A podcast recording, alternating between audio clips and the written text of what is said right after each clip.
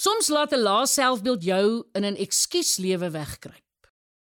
Ek kry mense met 'n lae selfbeeld jammer, want ek glo hulle lei halwe en onvervulde lewens. Dikwels het hulle ook die probleem dat hulle hulself afskryf. Hulle lewe vol vrees. Soms sukkel hulle om besluite te neem. Hulle is doodbang hulle besluit gaan nie almal tevrede stel nie. Soms word ek kwaad vir mense wat so min van hulle self dink.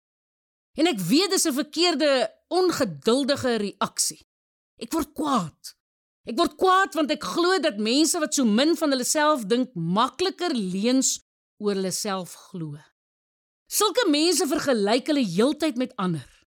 Hulle beskou hulle as minder waardig teenoor ander. En hierdie lewensuitkyk maak dat mense nie hulle volle potensiaal kan verwesenlik nie. Hulle laat toe dat die lewe by hulle verbygaan. Dit was die geval met arme Gideon. Israel se vyfde rigter. Hy was so totdat God hom beet gekry het.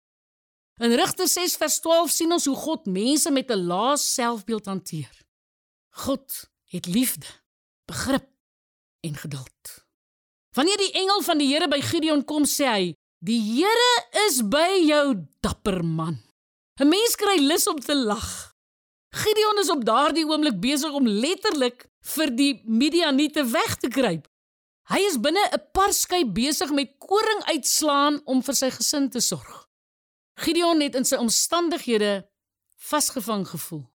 Die Midianiete en 'n klomp ander volke het die Israeliete en hulle oeste verwoes. So moes hulle die berge invlug. En Gideon was besig om koring van die kaf te skei. Dit doen mense gewoonlik buite in die wind maar hy was doodbang dat die Midianiete hom sou oorrompel.